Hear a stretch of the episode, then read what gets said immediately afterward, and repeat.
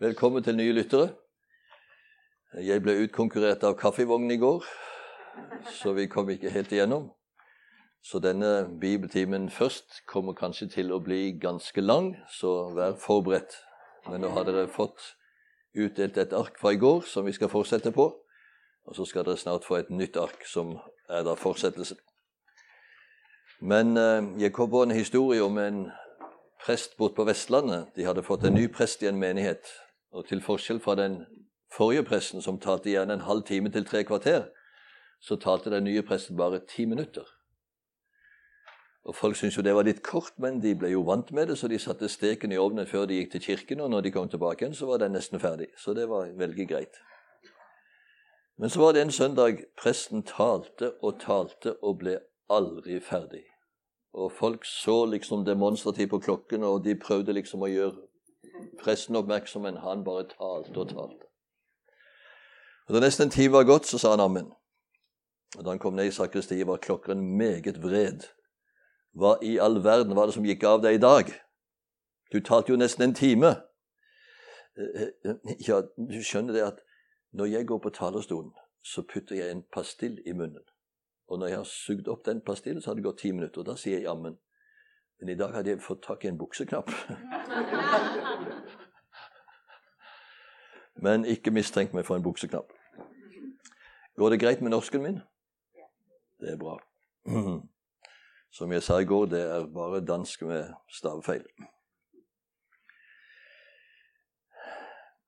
Vi snakket i går om at en kristen er en disippel, en lærling, en etterfølger.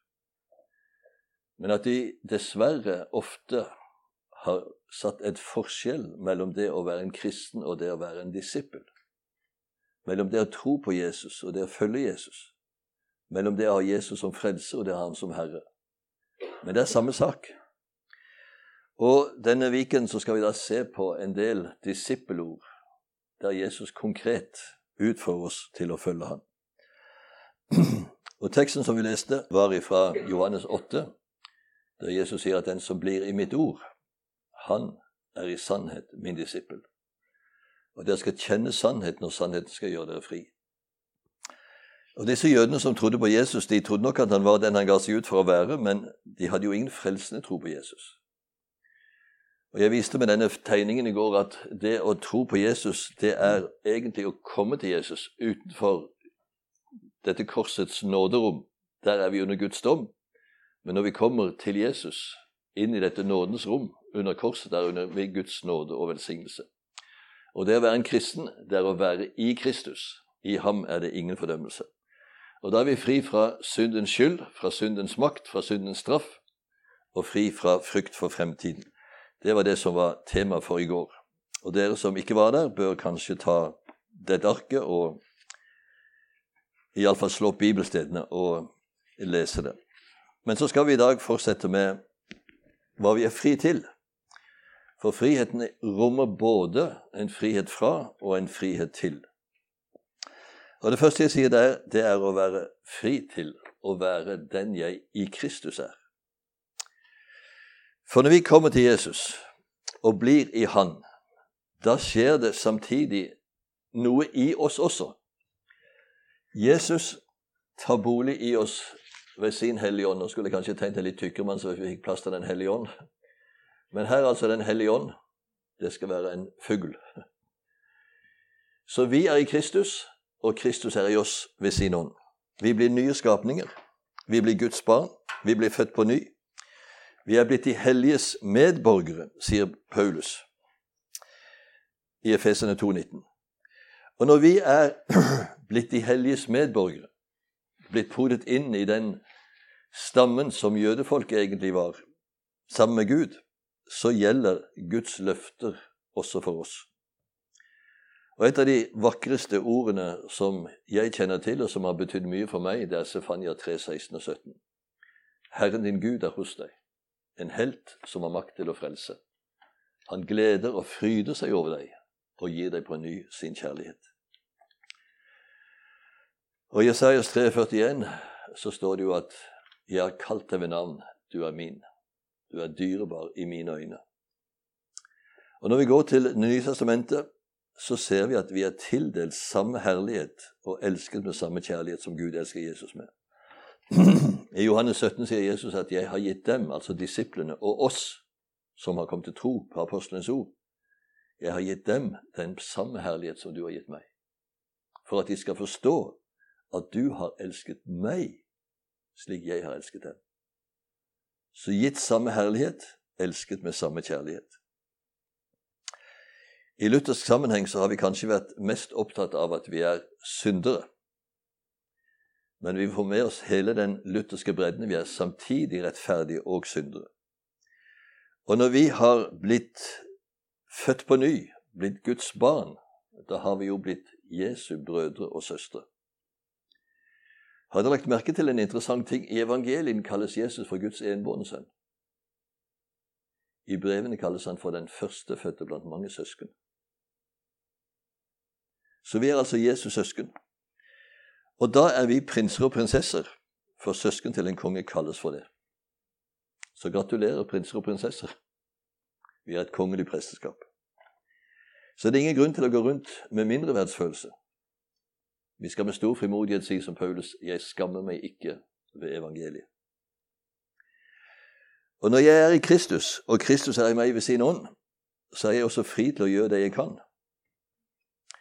For Gud har gitt oss både evner på skapelsens plan og nådegave på frelsens plan som Han vil at vi skal bruke.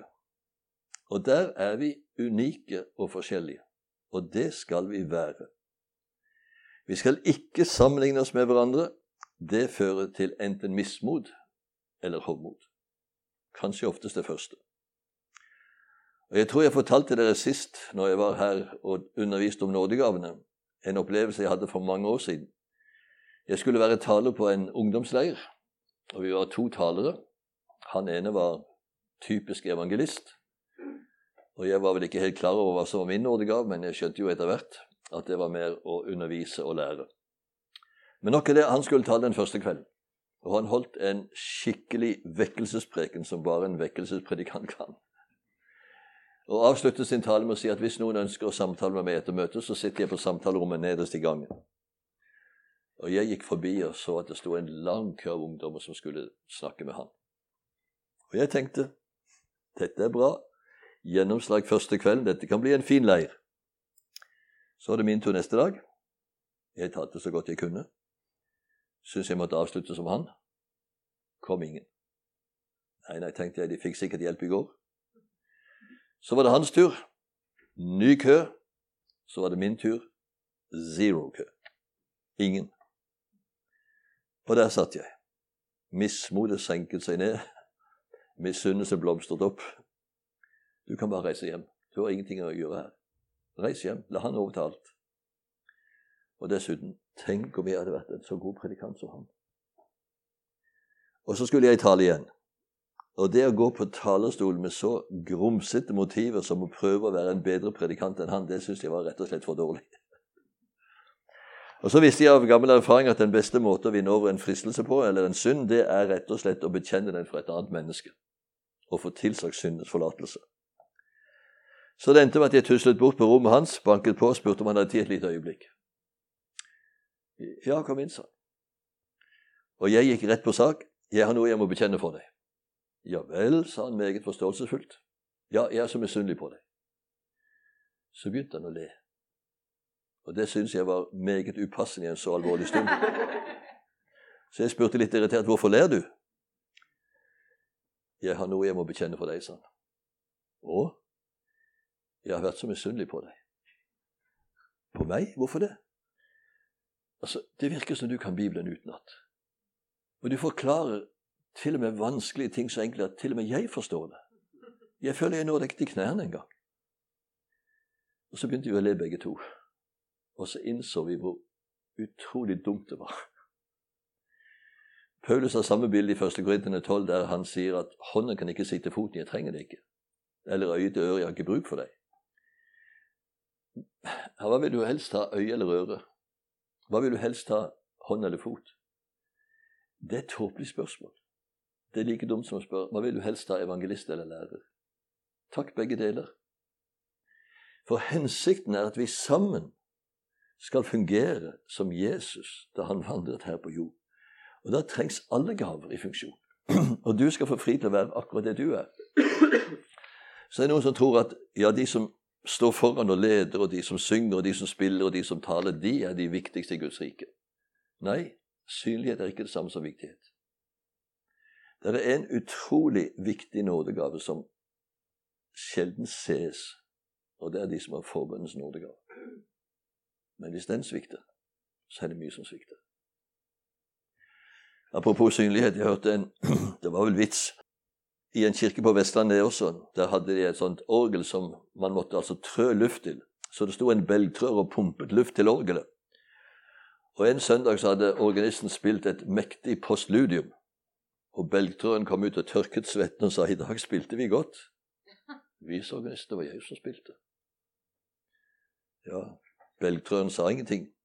Neste søndag ville organisten gjenta suksessen fra forrige søndag med et mektig preludium. Det kom ikke en lyd.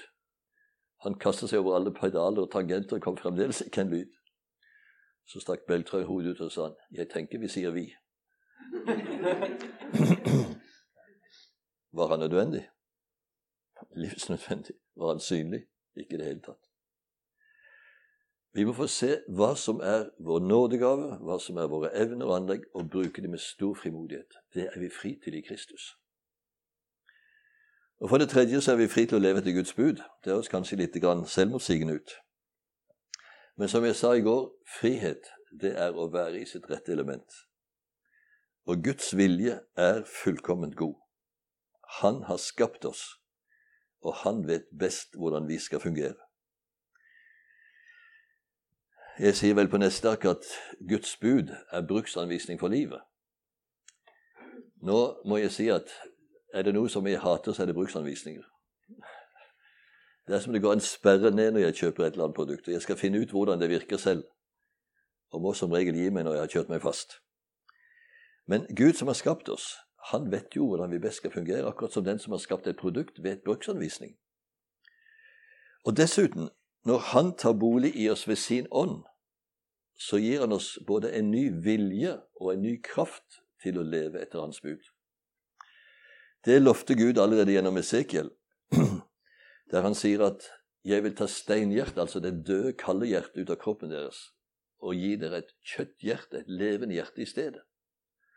Og jeg vil gi min ånd inni dere, som gjør at dere følger mine forskrifter og lover, så dere lever etter det.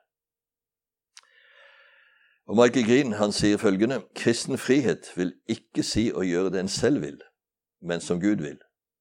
Og hans vilje medfører å gi seg selv for andre, for slik er hans vesen. Det viser seg å være fullstendig tilfredsstillende av den enkle grunn at det er det vi er skapt til, sier han i boken Jesus Spells Freedom. Vi kunne også sammenligne Guds bud med trafikkregler. Og jeg sa i går at absolutt frihet er absolutt tøv. Hvis du som trafikant sier som så Nei, hør nå her. Trafikkregler det bare legger hemninger på min livsutfoldelse. Jeg vil kjøre som jeg selv vil. Bryr meg ikke om rødt lys, bryr meg ikke om forkjørsvei. Jeg bryr meg kort sagt ingenting om andre trafikanter. Jeg bryr meg ikke om fartsgrense. Jeg kjører akkurat som jeg selv vil. Hva vil det skje? Bang! både til skade for deg selv og andre. Guds bud er livets trafikkregler. Men Guds bud og Guds ord er mer enn veiskilt. Guds ord gir også kraft til å leve. Og Det står et interessant ord i 1. test 2,13, der Paulus sier da vi kom til dere og forkynte Guds ord, så tok dere imot det. Ikke som menneskeord, men som det Guds ord det i sannhet er. Det virker noe med sin kraft i dere som tror. Så Guds ord virker med sin kraft i oss når vi tar det til oss. Og Det er vel derfor at Paulus oppfordrer oss i Kolossene 3,16 til å la Kristi ord få rikelig plass hos oss. Og Har dere lagt merke til en ting? Kolossene 3, 16 og 17 er nesten identisk med Efesene 5, 18 og 19. I Efesene 5, 18 og 19 står det 'bli fylt av Ånden', så dere taler til hverandre med salmer og sanger åndelig vis, og synger og spiller av hjertet for Herren, og sier Gud og Fader takk for alle ting i vår Herre Jesu Kristi navn står akkurat det samme i Kolossen 3,16, bortsett fra første linje. Der står det 'La Kristi ord få rikelig plass hos dere'. Men får Kristi ord rikelig plass, så får Kristus rikelig plass, og så får vi del i Åndens fylde. Og Da blir det til slutt hvordan kan vi få erfare denne friheten? Og da sier Jesus, dersom dere blir i mitt ord. Og verbet betyr 'dersom dere forblir i mitt ord'. Og skal vi leve rett, så må vi lære oss å tenke sant. Og det kan vi bare ved at Hans ord får fylle oss, og fylle både våre sinn og våre tanker. For Jesu ord, Guds ord, er sannhet. I Romene 12 oppfordrer Paulus oss til å bli forvandlet. Hvordan skjer det? Ved fornyelsen av deres sinn. Og Det ordet som er brukt for sinn, betyr tanke. Deres tanke må fornyet. Vi har ofte sånne irrasjonelle og usanne tanker som vi har blitt påført gjerne i oppveksten og gjennom massemedier osv., som gjør at vi både tenker galt og føler galt og handler galt. Men Guds ord er sannhet, og vi skal ta enhver tanke til fange i lydighet mot Kristus, står det i 2. Korintene 10,5. Måten vi tenker på, bestemmer måten vi føler på, og dermed måten vi handler på. Det er god psykologi, og det er minst like god teologi. Og Derfor står det i ordspråkene 423 Bevar ditt hjerte fremfor alt du bevarer, for livet går ut fra det. Hjertet står jo for et personsentrum. Og Living Bible har en ganske god oversettelse saklig sett. Be careful how you think. Your life is shaped by your thoughts. Pass nøye på hvordan du tenker, for livet ditt skapes, formes av dine tanker. Så Derfor skal det bli en livsforvandling, så må vi erstatte negative og destruktive tankemønster med Guds ord som er sannhet. La meg gi et eksempel. På et sommerstevne i Kristiansand, et såkalt oasestevne, så kom det en dame til meg seint på kvelden etter siste møte. Meget sammensunket og trist så hun ut, og kunne fortelle meg at hun var det mest mislykte vesen som gikk på to bein på denne jord. Hadde det tydeligvis ikke noe godt med seg selv. Så spurte jeg hvem er det som sier det. Nei, det er ikke noen som sier det, men det er bare sånn. Er det sant? Ja, hun følte det var sant. Ja, Det var ikke det jeg spurte om. Jeg spurte om det er sant. Ja, ble litt usikker. Vi får se hva det står i Bibelen, sa jeg, for Guds ord er sannhet. Og så slo jeg opp i Sefania 3,16. Herren din Gud er hos deg, en helt som har makt til å frelse. Han gleder og fryder seg over deg og gir deg på ny sin kjærlighet. Ja, det gjelder ikke meg, sa Gjør det ikke det, sa jeg. Da måtte det stått med unntak av deg, men det står ikke det. Ja, men jeg føler ikke det gjelder meg. Det var ikke det jeg spurte om, sa jeg. Er Guds ord sant bare om du føler det godt, eller er Guds ord sant uansett? Nei, hun måtte jo medgå at Guds ord var vel sant uansett. Kan vi gjøre en avtale, sa jeg. Nå går du hjem. Så skriver du dette bibelord på to lapper, men du skriver det personlig. Herren min Gud er hos meg, en helt som har makt til å frelse. Han gleder og fryder seg over meg og gir meg på ny sin kjærlighet. Så henger du den ene lappen over senga di, slik at det første du leser når du våkner om morgenen, det er dette. Og så sier du 'Takk, Herre'. Og den andre lappen henger du utgangsdøren, og så stanser du ti sekunder, og så leser du dette, og så sier du 'Takk, Herre', og så går du på jobb. Ja, dette må du gjøre i minst 30 dager, sa jeg. For det tar minst 30 til 45 dager for å forandre et tankemønster. Jeg skal prøve, sa Like før jul, en tre-fire måneders tid senere, så var jeg tilbake igjen i Kristiansand.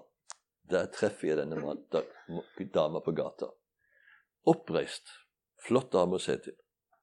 Så kommer hun bort og sier hun, 'Vet du hva, Søvik? Det bibelordet du ga meg, har forandret hele mitt liv. Hvordan det, sa jeg. Ja, det gikk som du sa, godt og vel en måneds tid. Så plutselig var det akkurat som dette bibelordet sank ned fra hodet og ned i hjertet mitt. Hvis Gud gleder og fryder seg over meg, hvordan kan jeg gå rundt og være misfornøyd med meg selv? Ordet skaper hva det nevner.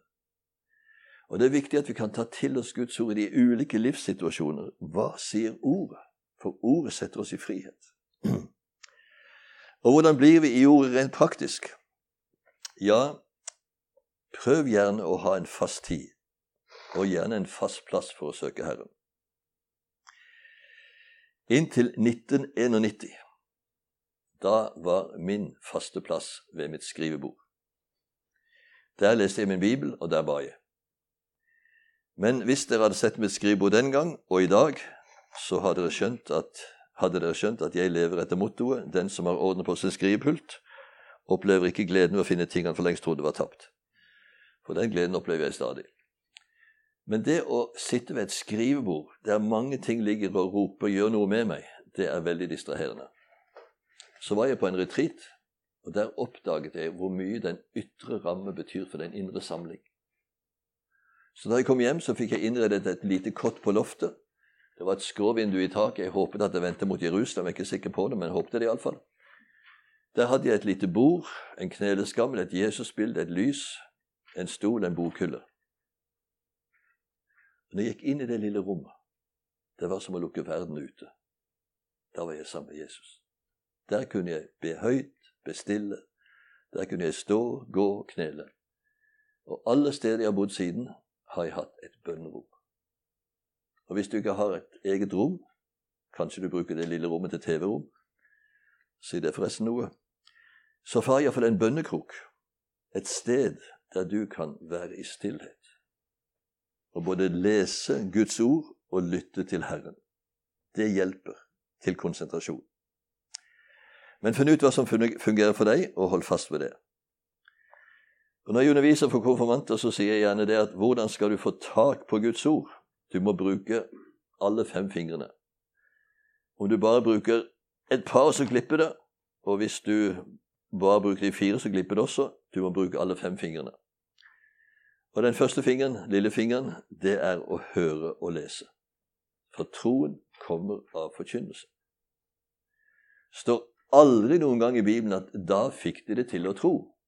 Men det står flere ganger da kom de til tro. Og hvordan kom de til tro? Jo, ved å høre sannhetens ord, evangelium deres frelse, sier Paulus i Fesen 1,13. Eller Romene 10,17. Troen kommer av forkynnelse. Og så skal du studere Guds ord. Ikke bare sykle igjennom, hoppe over de vanskelige tingene. Nei, du skal studere hva betyr dette. Det står om menigheten i Berø at de hadde et edlere sinn enn de i Tessalonika, for de gransket daglig i Skriftene for å se om det stemte, det Paulus hadde forkynt. Og Litt av denne her granskingen, studere, finne ut hva står det egentlig, hva betyr dette den gang, og hva betyr det for meg i dag? Og så memorere Guds ord. Det er veldig viktig. Hva ville skjedd hvis alle bibler i Danmark ble forbudt? Hvor mye bibelkunnskap vil du sitte igjen med? Det er en utrolig skatt å lære Guds ord utenat. Og i den gamle pakt, der skulle foreldrene eller fedrene gjenta for sine barn Guds ord når de gikk på veien, og når de satt hjemme i stuen osv. De skulle skrive Guds ord på vegger og ved dørstolper for at barna skulle lære Guds ord utenat. Og Jesu disipler, da han vandret her på jord, de måtte lære hans ord utenat. Det måtte alle disipler av rabbier. Og så lovte Jesus at når talsmann Den hellige ånd kommer, så skal han minne dere om alt det jeg har sagt. Og det gjelder også for oss. Men hvordan kan Den hellige ånd minne oss om noe hvis vi ikke har lært hva han sier? Så lær Guds ord utenat, så mye som mulig. Helst et bibelord hver uke. Og så mediter på Guds ord. Grunn på Guds ord. Jeg skal komme tilbake til det, men det står om den som grunner på Herrens ord. Han er lik et tre plantet ved bekker med rennende vann. Det gir sin frukt i rette tid, og løvet visner ikke på det. Det var et veldig talende bilde, for når den hete ørkenvinden blåste fra øst, Sirokkoen, så visnet vegetasjonen i løpet av et par-tre dager. Men så sto det noen trær. Grønne, upåvirket av de ytre omstendigheter, bar sin frukt i rette tid. Hvorfor det? De hadde røtter i fuktig jord ved en bekk med rennende vann. Og slik skulle altså vi som Guds folk og Guds barn ha våre åndelige røtter dypt plantet i Guds ord. Og da er vi ikke avhengig av de ytre omstendigheter eller følelser i oss. Vi er radikale kristne. Vi har våre røtter, radix, i Guds ord. Og sist praktisere. Og det er det vi taler om denne viken. Gjøre Guds ord. Følge Guds ord. Som Jakob sier, dere må være ordets gjørere, ikke bare dets hørere, ellers bedrar dere det selv. Og da vil vi mer og mer oppleve hvordan vi får en indre frihet. Fri fra syndens skyld, makt og straff. Fri til å være den vi i Kristus er. Lov til å gjøre det Kristus har skapt og frelst oss til. Vi er oppreiste mennesker i Kristus. Våg å være den du i Kristus er.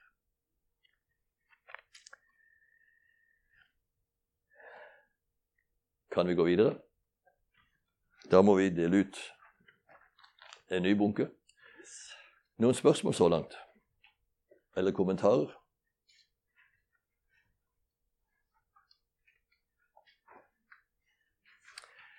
Mens han deler ut, så kan jeg si at jeg har tatt med en liten bok her som heter Bibelportalen.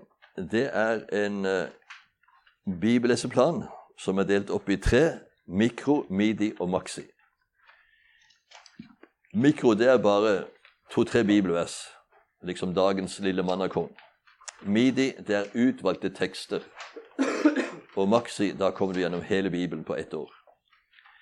Så er det 25 avsnitt per måned slik at om du dropper ut en dag eller to, så kommer du altså ikke på etterskudd. Du greier som regel å ta inn igjen den. Så kan du krysse av hva du har lest. Og så siste halvdel.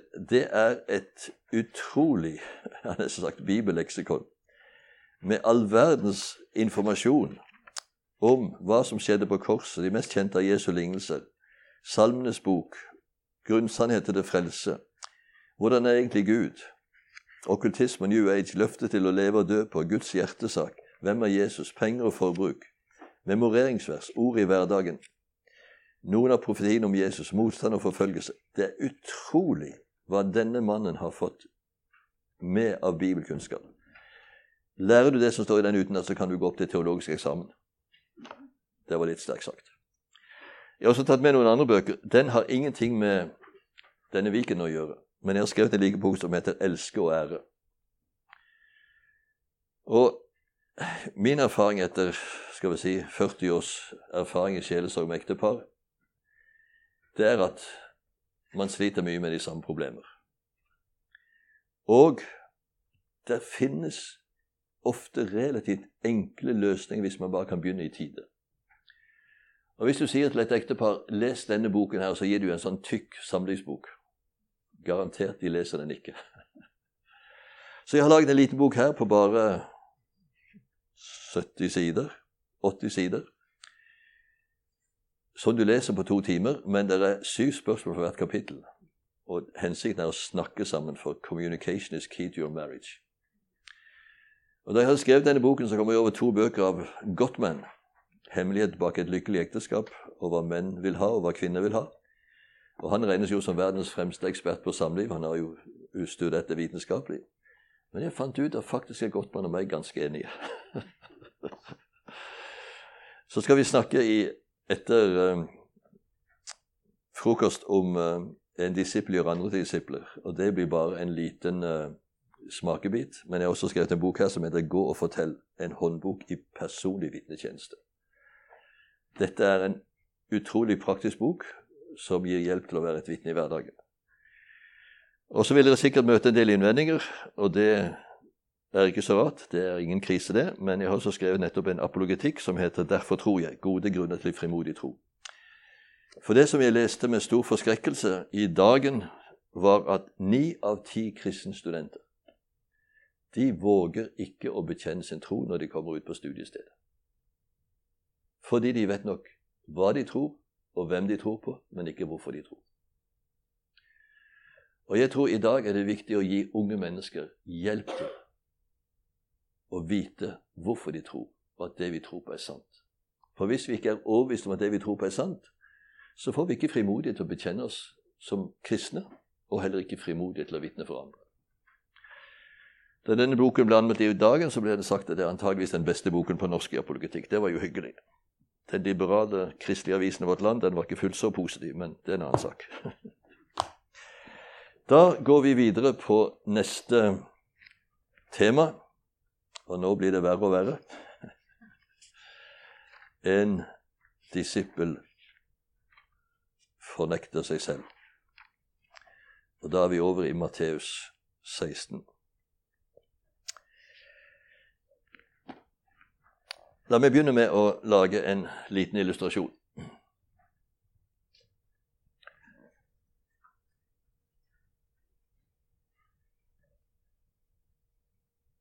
Det er grovt sett tre måter vi kan forholde oss til Jesus på.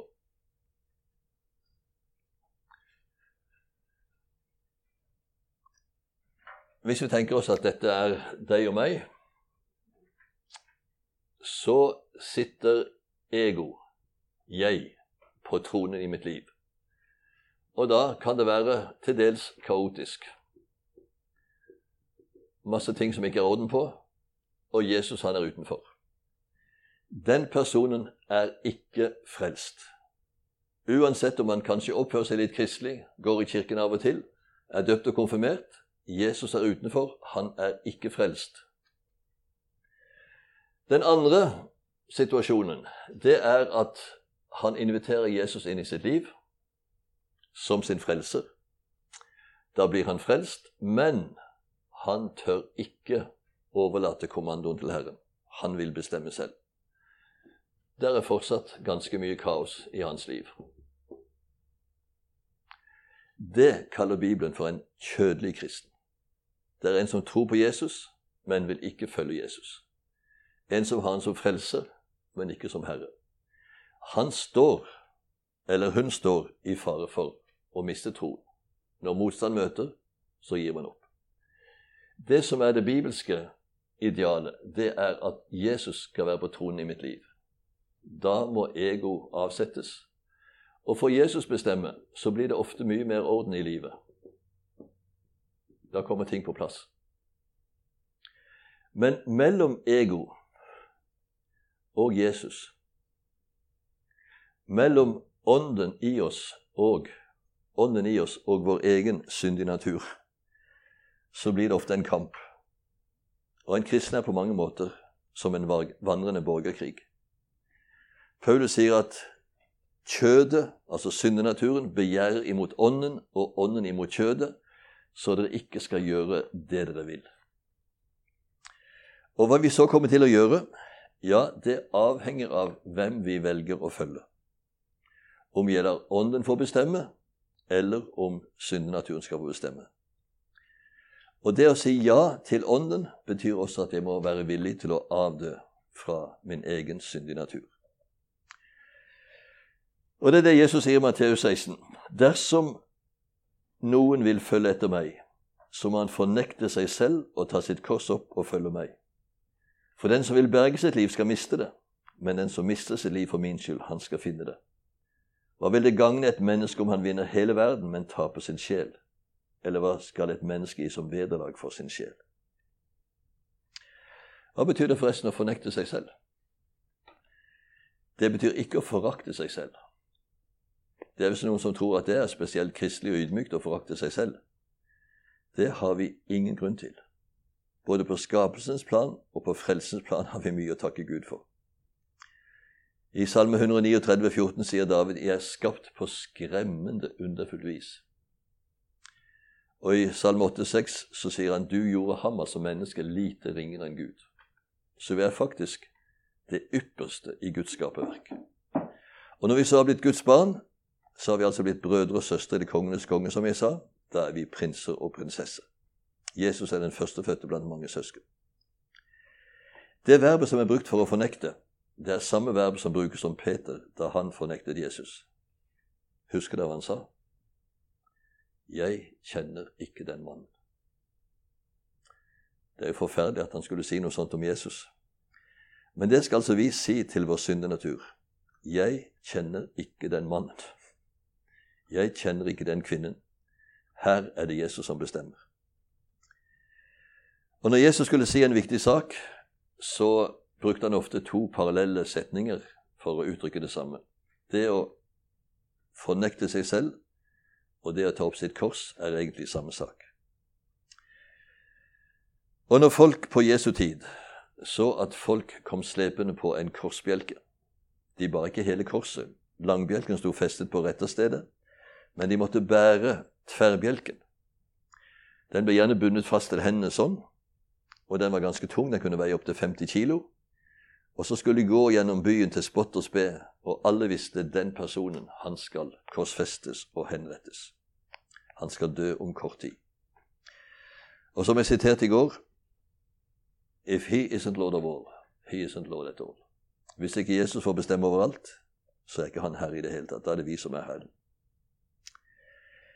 Men Jesus er altså Herre, og den eldste kristne bekjennelsen vi kjenner, den hadde bare to ord Kyrios Jesus.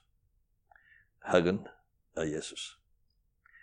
Og Herren der, det er faktisk det samme ordet som på hebraisk heter JHVH, Javé. Og det navnet var så hellig at når jødene så disse fire bokstavene, JHVH, så tørte de rett og slett ikke uttale det. De sa Adonai, som betyr Herren. Men så gikk det noen hundre år, og så glemte jødene hvordan man egentlig leste de hebraiske tegnene. For det hebraiske språket var konsonanter. Og da måtte de skriftlærde, som vi kaller for masoretene, sette til vokaler. Og så satte de til A, O, A, som i Adonai. Og da blir det Jahova, eller pga. trykket så blir det Jehova. Antageligvis har aldri Guds navn blitt uttalt på den måten, selv om Jehovas vitner sier at det er den rette måten å si det på. Men Kanskje var uttalelsen Javé, og det betyr 'Han som er'. Det var det navnet som Gud ga til Moses da Moses spurte hva er ditt navn. 'Jeg er den jeg er'. Og I den greske oversettelsen så oversettes dette altså med 'ego eimi'. Jeg er. Og da blir det noe interessant. For flere ganger i Johannes evangeliet så presenterer Jesus seg med 'ego eimi'. Og Hvis han bare skulle si 'jeg er', så hadde det vært nok å si 'eimi'. Men når han sier 'ego eimi', så er det veldig trykk på ego. Jeg. Jeg er. Og jeg tenker at kanskje folk som hørte dette eller leste dette, de skjønte at her ligger det en større dybde. I Johannes 6 Nei, det er feil henvisning. 6.35. Jeg er livets brød. I Johannes 8,12 'Jeg er verdens lys'. I Johannes 10,7 'Jeg er døren'. I Johannes 10,11 'Jeg er den gode hyrde'. I Johannes 14,6 'Jeg er veien'. I Johannes 15,1 'Jeg er det sanne vintre'. I Johannes 28,8 for at jeg skal forstå at jeg er når det får opphøyt meg, sier Og Johannes evangeliet munner ut i denne sterke bekjennelsen til Thomas. Min Herre og min Gud. Så Jesus er altså ett med Gud, ett med Faderen, ingen over, ingen ved siden. Han har fått navn over alle navn. Hvilket navn er det? Det er Kyrios navn. Javé. Og Derfor sier også Paulus i Filippene 2,9 at når Jesus kommer igjen, så skal hvert kne bøyes. I himmelen, på jorden, under jorden. Og hver tunge bekjenne til Gud Faders ære. Jesus Kristus er Herre. Herren. Og Derfor kan også Jesus proklamere etter oppstandelsen meg er gitt all makt i himmel og på jord. Nå er det noen som sier det at ja, men Jesus har jo ikke all makt. Nei, det ordet som er brukt der, heter eksosia på gresk, og det betyr autoritet. Meg er gitt den høyeste autoritet i himmel og på jord. Og Når vi sier at Gud er allmektig, så betyr ikke det at han har all makt som finnes, men det betyr at han har makt overalt, og det er noe helt annet. Pantokrato betyr allhersker. En som har den øverste makt, øverste autoritet. Fortsatt så har vi mennesker en del makt, djevelen har en del makt. Men fordi at han har den høyeste makt og den høyeste autoritet, så skal han legge enhver fiende som skammel for sine føtter, og en dag skal Gud være alt i alle. Men uansett, Jesus er ett med Faderen, og når Han som er Gud, taler, så gjør vi vel i å lytte. Men ikke bare lytte, også lyde. Ikke bare høre, men også gjøre. Og Det er det som John Stott kaller for radikale kristne. Den siste bok han skrev, skrev han mens han lå på sykehus og dikterte. Og Den heter The Radical Disciple. Den radikale disippel. Og Når vi eh, hører ordet radikal, så tenker vi gjerne på en sånn en ekstrem, ytterliggående person. Men John Stott sier radikal kommer av latin radix, som betyr rot, En radikal kristen er en som har sine røtter i Guds ord. Og selv om det høres hardt ut å fornekte seg selv, så er det altså en velsignelse. For den som vil miste sitt liv for min skyld, han skal finne det, sier Jesus. Men jeg har møtt mange kristne som er redde for å gjøre Jesus til herre. Kanskje fordi de innerst inne ikke tror han er noen god herre. Og Jeg hadde en litt underlig opplevelse for flere år siden. Jeg kom i prat med en dame som fortalte meg at hun konsekvent hoppet over tredje bønn i Fader vår. La din vilje skje på jorden slik som i himmelen. Hvorfor gjør du det, sa jeg. Jeg tør ikke be den bønnen med et ærlig og oppriktig hjerte. Hvorfor gjør du ikke det? Nei, jeg vet at hvis jeg ber om at Guds vilje må skje i livet mitt, så havner jeg enten langt nord i Finnmark eller på en misjonsmark. Og det vil jeg ikke. Nei vel. Men hva tror du så Gud ville si hvis han ville ha deg til Finnmark eller på en misjonsmark? Tror du han ville si ha-ha, nå lurte jeg deg godt, nå kan du sitte der en som har forlatt resten av livet? Og Det var nærmest det hun trodde. Og da måtte jeg spørre hva sier Guds ord? Hva sier Guds ord? Og så siterte jeg Jeremias 29,11 for henne. Jeg vet hvilke tanker jeg har med deg, sier Herren. Fredstanker, ikke tanke til ulykke. Jeg vil gi deg fremtid og håp. Det er den Gud du skal fortjene. Og Paulus spør i Romen 8,32.: Han som ikke sparte sin egen sønn, men ga han for oss alle, hvordan skulle han kunne annet enn å gi oss alle ting med seg? Du har en god far i himmelen og Jesus sier om han når dere som er onde, vet å gi deres barn gode gaver, hvor mye mer skal ikke den Fader i himmelen gi gode gaver til den som ber ham? Jesus har oversikten, han vet veien, og han har lovt å lede oss like til vi kommer hjem til han. Og da kan vi leve i trygg uvisshet for fremtiden. Jesus vet hva som kommer, og det er nok for oss. Vi ser bare frem til første sving eller første motbakke, så er vår livsvei skjult. Men Herren der ovenfra, han ser alt, og han har lovt å lede oss, gi oss råd ved sitt øye. Og Hvis Gud svarer nei på våre bønner, så er det enten det vi ber om, ikke bra i seg selv, eller ikke bra for oss selv eller andre, direkte eller indirekte, nå eller senere, sier også John Stott. Og videre, le på en slik måte at de som kjenner deg, men ikke kjenner Jesus, vil komme til å kjenne Jesus fordi de kjenner deg. Blir alt da bare herlighet og glede? Nei, det blir kamp mot alt som vil føres bort fra Jesus. Og Det vil koste å gjøre Jesus til Herre når våre egne ønsker oss er sterke og går på tvers av det Jesus vil. Og det vil koste å stå opp for Guds ord sannhet i tiden som kommer, ikke minst på det samlivsetiske området. Vi merker det allerede veldig sterkt i Norge, iallfall. Den som står på Guds ord sannhet, han får sannelig gjennomgå i media. Og det vil koste for den som vil følge Jesus på andre områder også. Men for ikke miste i vårt liv, så må vi la syndenaturen korsfestes og dø. Men det koster mer å la være å følge Jesus. Da mister vi hans kjærlighet, glede og fred, kraft og frimodighet, visshet og hvile. Vi har en andagsbok hjemme som heter I Guds tid. Det er faktisk en katolsk karmelittmunk i Sverige som har skrevet den. Og mye i den er veldig bra. Nå kan vi bare hoppe over, det blir litt for mye Maria-prat, men det er nå så.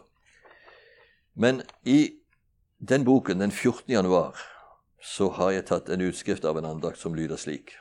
Den radikale veien er lettere. Å følge Jesus kan kreve mer enn du hadde ventet. Han gir ikke disiplene sine noen garanti du må våge å ta sjanser. Du følger en som ikke har noe å hvile sitt hode på. Men hvis du tar Jesu radikale oppfordring på alvor, blir du lykkeligere, og livet ditt blir lettere å leve. Dette høres ut som en selvmotsigelse. Det radikale stiller jo store og vanskelige krav. Du tror kanskje ikke du har krefter til det. Det er vanskelig nok å oppfylle hverdagens små forpliktelser. Hvordan skulle du da kunne tenke deg på større ting? Men det er de større tingene du er skapt for. Målet ditt er uendeligheten. Derfor kjenner du deg maktesløs og ulykkelig hvis du lever et liv i middelmådighet og lunkenhet. Har du det tungt og vanskelig i det livet du lever nå, så velg en mer radikal måte å leve på. Da kommer alt til å bli lettere. Den radikale veien krever en ekstra anstrengelse til å begynne med. Når du først har våget å ta det første skrittet, kommer du til å få stadig nye krefter til å fortsette. Menneskets forsiktighet gjør livet kjedelig og ensformig. Evangeliets kloke og radikale krav gjør det spennende og vakkert. Du kan rusle framover på livsveien din. Da kommer du langt etter Jesus og kan bare se ham på avstand. Men du kan også ta radikale skritt sammen med Jesus og gå i hans takt. Da får du være nær ham på veien, og du kommer fortere fram og med mindre strev. Men selv om det er velsignelse for å følge Jesus, så må vi ikke underslå lidelse å følge Jesus. For når Guds vilje og min vilje krysser hverandre, og dermed danner et kors, så må jeg være villig til å la min vilje dø på dette korset. Og som jeg sa, det vil koste mer og mer i tiden som kommer, å følge Jesus og stå på ordets grunn. Og For mange kristne i dag så innebærer det rent fysisk lidelse, ja, enda til død. Jeg leste for en tid siden i Åpne dørers magasin at 250 millioner kristne forfølges for sin troskyld i dag. Mange blir torturert og drept. Og Jesus sa, 'Har de forfulgt meg, vil de også forfølge dere'. Og Paulus sier også i Antimotus 3,12 at den som vil leve gudfryktig i troen på Jesus, han vil bli forfulgt. Det som kanskje burde forundre oss mer, er at vi til nå har opplevd så lite forfølgelse. Og det må vi på en side takke Gud for.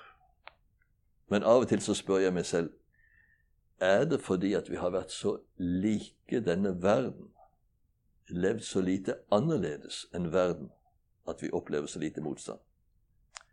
For jeg tror at motstanden vi opplever, vil alltid øke proporsjonalt med dybden i vår relasjon til Jesus. Jo mer vi ligner Han, jo mer vi følger Han, jo mer vil vi oppleve motstand fra verden. Men det er faktisk en ære og en nåde å få lide for Jesus skyld, står det i Bibelen. Da disiplene hadde blitt hudstrøket, så står det at de gikk glade bort fra fengselet fordi de var funnet verdige til å lide for Jesu navns skyld. Og Paulus skriver til Filippen at for Kristi skyld fikk dere den nåde ikke bare å tro på ham, men også å lide for ham. Og jeg tenker nåde til å lide.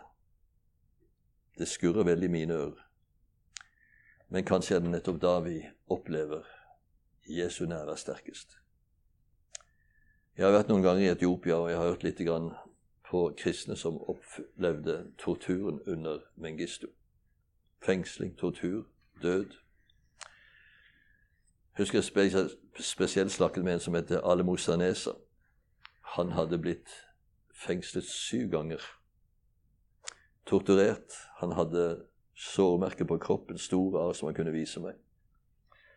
Og Den siste gangen fortalte han, så fikk han valget mellom å bekjenne Jesus og dø, eller fornekte Jesus og slippes fri. Og Det var jo ikke noe vanskelig valg, sa han. Det som var vanskelig, det var å fortelle min mor at det var siste gang jeg møtte henne. For hun kom annenhver dag med mat til meg i fengselet.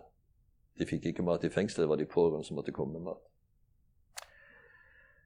Men jeg måtte si som sant er, mor, dette er siste gang vi møter hverandre.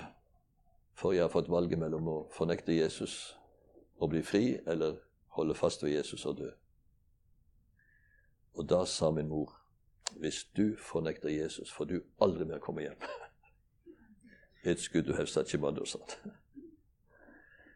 Og så fortalte han at han ble stilt opp og skulle skytes.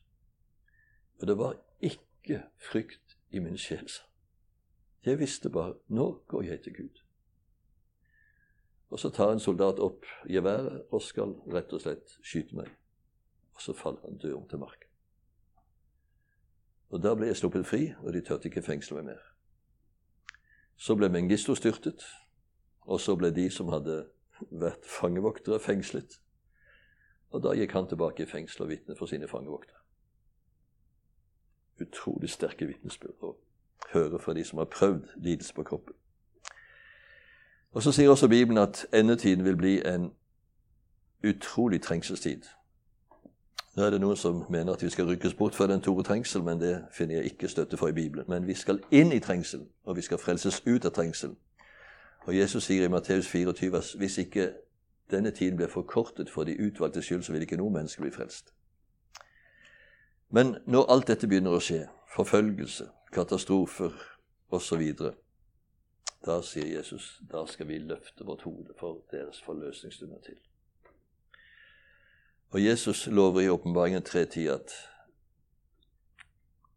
dersom vi holder fast ved Hans ord om å holde ut, så vil Han holde fast på oss. Og egentlig står det 'dersom dere holder fast på mitt utholdenhetsord'. Så det er ikke bare et ord om å holde ut, men det er et ord som gir kraft til å holde ut. Så skal jeg bevare dere gjennom den trengsel som skal komme over jorden. Om det så skulle bli lidelse til døden, hva så? Ja, da har vi det beste i vente. Og Derfor sier Paulus når han sitter i fengsel i Roma For meg er livet Kristus og døden en vinning. En ung mann som het Jim Elliot, han hadde fått et kall til å reise til Huaruani-indianerne i Ecuador. Og denne stammen langt inn i jungelen var kjent for å være en meget krigisk stamme som drepte alle som kom dit. Men han og fire andre reiste og ble drept. Men han sa før han reiste, den person som gir avkall på det han ikke kan beholde, for å få det han ikke kan miste, han har skjønt poenget. Nå skjedde det i etterkant at kona hans noen år etterpå reiste ut av den samme stammen. Og de angret dypt på det de hadde gjort, og vendte om. Så martyrenes blod ble kirkens sæd. Vi tenker vel kanskje ofte at når vi dør, så skal vi slutte å leve. Men det som egentlig er saken, er at da skal vi slutte å dø. Da skal vi leve for alltid sammen med den Herren vi trodde på. Og det blir fantastisk. Jeg synes nesten litt synd på Johannes når han skal prøve å skille den nye himmelske herligheten. Han sier 'da så jeg og se, og det var liksom'. Og så skiller han en by, det nye Jerusalem, som en by som er bygd med murer av alle slags edelstener og porter som er den eneste perle og gater av gjennomsiktig gull. Og likevel så er det bare liksom. Det finnes simpelthen ikke begrepet for hvor vakkert dette skal bli. Og så skriver han oss i 1. Johannes brev 3.: Mine kjære, nå er det ennå ikke åpenbart hva vi skal bli. Men vi vet at når Han åpenbarer seg, da skal vi bli ham like, for vi skal se ham som han er. Og jeg tenker uansett hvordan det vil bli Det mest fantastiske vil bli å møte Jesus. Av og til er det nesten som det sitter i kroppen av spenning og forventning. Han som jeg har trodd på, tjent, tilbedt og elsket et helt liv uten å se. Han skal jeg en dag få se ansikt til ansikt. For en dag det skal bli. Og da er det oppfylt, det som står i Jesajas 33, 17. Med egne øyne skal du skue kongen i hans skjønnhet. 62 var det. Det er evighetens fantastiske belønning. Da er ingen lidelse for stor. La oss be.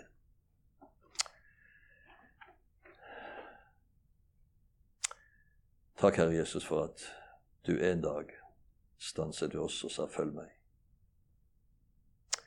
Takk at vi får lov til å følge deg, Jesus. Du som er kongenes konge og herrenes herre. Men så må vi også bekjenne, Herre, at ofte har vi blitt liggende langt etter. Ofte har vi kanskje sett mer på menneskene rundt oss enn å ha blikket festet på deg. Men vil du ta oss ved hånden nå, Jesus? Hold oss tett ved din side. La oss få gå i dine fotspor. Hold oss fast, Jesus, så vi ikke blir ivrige og løper foran deg, men heller ikke mismodige og blir liggende etter på veien. Men gå der du leder oss, og våger å ta de kamper som måtte komme, både mot de som vil angripe ditt ord og dine sannheter, og de som også vil forfølge oss fordi vi ligner for mye på deg.